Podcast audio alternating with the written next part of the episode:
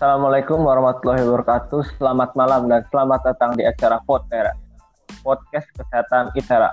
Kenalin nama gue Fernando Zamania dari program studi teknik sipil angkatan 2020, kelompok Ambaru kelompok 134. Kali ini gue bakal ngebahas tentang kesehatan dan narkoba.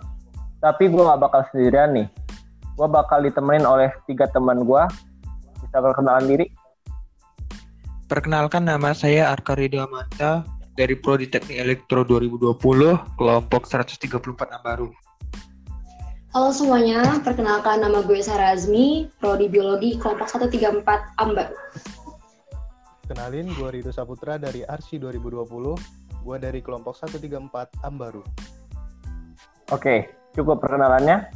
Kalian tahu nggak sih, beberapa bulan kebelakangan ini lagi rame banget nih soal artis yang tertangkap karena narkoba. Wah, tahu dong. Banyak juga di berita-berita itu. Salah satunya Lucinta Luna dan Jeffrey Nicole kan? Ya, ya gue juga nonton di infotainment. Vanessa Angel sama Regulasi juga kena tau. Tapi kok banyak ya artis yang kayak gitu ya? Tapi kali ini ya, tahu nggak sih narkoba itu apa? Ya tahu lah, narkoba itu singkatan dari narkotika. Contoh-contoh narkoba nih, seperti ganja, kokain, morfin, heroin, dan lain-lain lah pokoknya semua itu. Kalau tanda-tandanya nih, tanda-tanda orang yang udah kecanduan narkoba itu kira-kira apa? Ada yang tahu? Gue tau, gue tau. Gue tau, gue tau. Gue jawab Oh. ya. Ya, ya jawab jawab. Jadi, tanda-tanda orang yang udah kecanduan narkoba itu ada banyak. Yang pertama, mood swing. Maksudnya apa sih mood swing itu? Jadi dalam satu hari itu, moodnya itu berubah-ubah kayak kadang-kadang seneng, sedih itu tuh sering banget berubah-ubah. Yang kedua, depresi. Tau lah ya depresi kayak gimana. Yang ketiga, euforia. Di saat lo lagi seneng, itu tuh bener-bener seseneng itu, sampai seneng itu udah tingkat ekstrim. Nah, yang keempat, perilaku kriminal. Kenapa sih? Kok bisa sih perilaku kriminal? Karena nih ya, kan di narkoba itu ada zat adiktif. Di saat lo nggak punya uang, tapi zat adiktif itu bereaksi, orang itu lakuin segala macam cara biar dapetin uang. Jadi dengan cara apa? Ada yang mencuri, perampok. Nah, selanjutnya kecemasan, kecemasan, sorry, kecemasan yang terus menerus atau anxiety.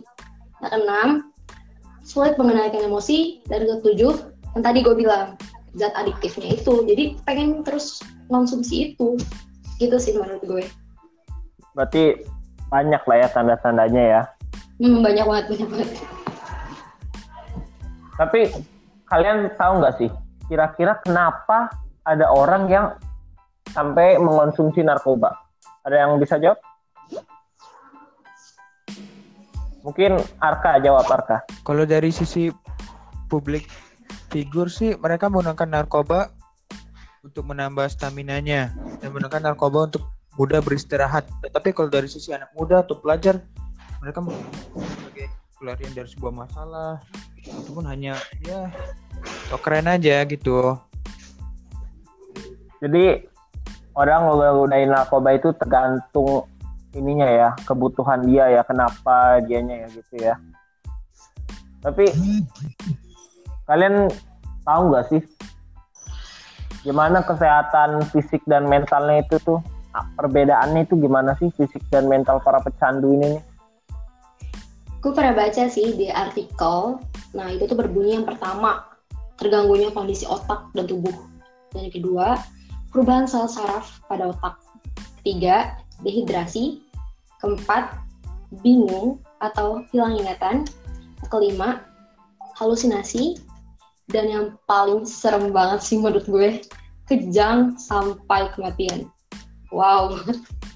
Wah, berarti bisa menimbulkan korban jiwa ini ya? Bener, bener, bener, bener. Emang berbahaya narkoba ini ya. Tapi gimana sih? Kan kita udah tahu nih tanda-tandanya gimana, terus dampaknya gimana. Tapi ada nggak sih cara kita itu untuk menghentikan nih para pecandu ini biar gak jadi candu lagi nih? Gimana itu cara-caranya tuh? Ada ada fair, gue tahu. Jadi caranya itu bisa di pertama itu kita melakukan detoksifikasi. Detoksifikasi itu kayak langkah pertama untuk perawatan pemulihan dari narkoba. kayak untuk pembersihan zat-zat berbahaya dari dalam tubuh gitu. Terus yang kedua itu bisa kayak terapi konseling. Terapi konseling itu dilakukannya setelah kayak dia habis di detox detoksifikasi. Habis itu baru dia lari ke terapi konseling. Yang ketiga itu kita bisa dengan cara rehabilitasi. Rehabilitasi itu merupakan pengobatan jangka panjang untuk gangguan dan kecanduan zat psikotropika terlarang. Tetapi rehabilitasi juga memiliki beberapa tipe perawatan yaitu bisa menetap, bisa perawatan harian, bisa rawat inap, atau bisa juga dia kayak rawat jalan gitu. Terus yang keempat itu bisa kita beri dukungan penuh dan dilarang memberi stigma atau penghakiman kepada. Jadi yang keempat itu bisa kita lakukan dia saat saat dia itu udah rehabilitasi atau dia itu setelah rehabilitasi. Jadi kayak psikis dia biar nggak keganggu gitu. Jadi gitu sih Per kalau menurut gua. Hmm, jadi harus ada dukungan moral juga ya untuk berubah gitu ya. Iya iya benar benar. Iya. Tapi Kalau nggak ada dukungan dari lingkungan sekitar sih dia nggak bisa berubah. hmm, ya ya ya.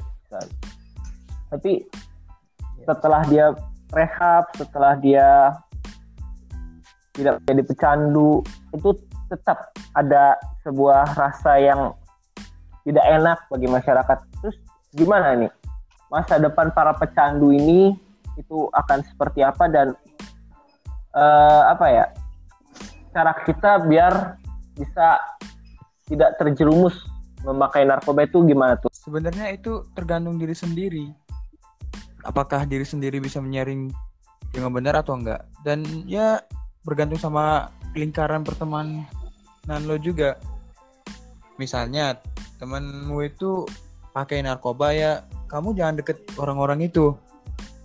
Dan juga nih, lebih baik mendekati dengan lingkungan dan teman-teman yang baik aja, yang berpengaruh baik bagi kehidupan. Dan di sisi lain juga, kalau misalnya mengikuti pertemanan yang buruk, itu dapat merusakkan kesehatan juga, baik fisik maupun mental. Jadi sayangilah kesehatanmu itu. Dan jika stres, jangan pernah menggunakan sekali-sekali jangan pernah menggunakan narkoba. Dekati sang pencipta atau curhat saja ke teman itu. Nah, pesan saya nih ya, jaga dirilah, jangan merusak diri dan masa depan dengan hal-hal yang tidak berguna. Mending pikiran, mending pikirkan saja cara-cara yang lain lah buat menghibur diri gitu. Itu saja sih pesan saya. saya. Hmm, jadi kesimpulannya, ya namanya narkoba itu tidak ada yang membawa efek positif bagi kita ya. Mau fisik ataupun mental itu nggak ada, nggak ada yang positifnya. Yang narkoba bisa lakukan itu hanya membuat kita menjadi pribadi yang buruk. Dan sepertinya cukup sampai di sini podcast kita kali ini. Terima kasih untuk yang sudah mendengar dari awal hingga akhir. Saya Fernanda. Saya Arka Ridho Aman. Saya Sarah Azmi. Saya Rido Saputra. Undur diri dan sampai jumpa pada podcast selanjutnya.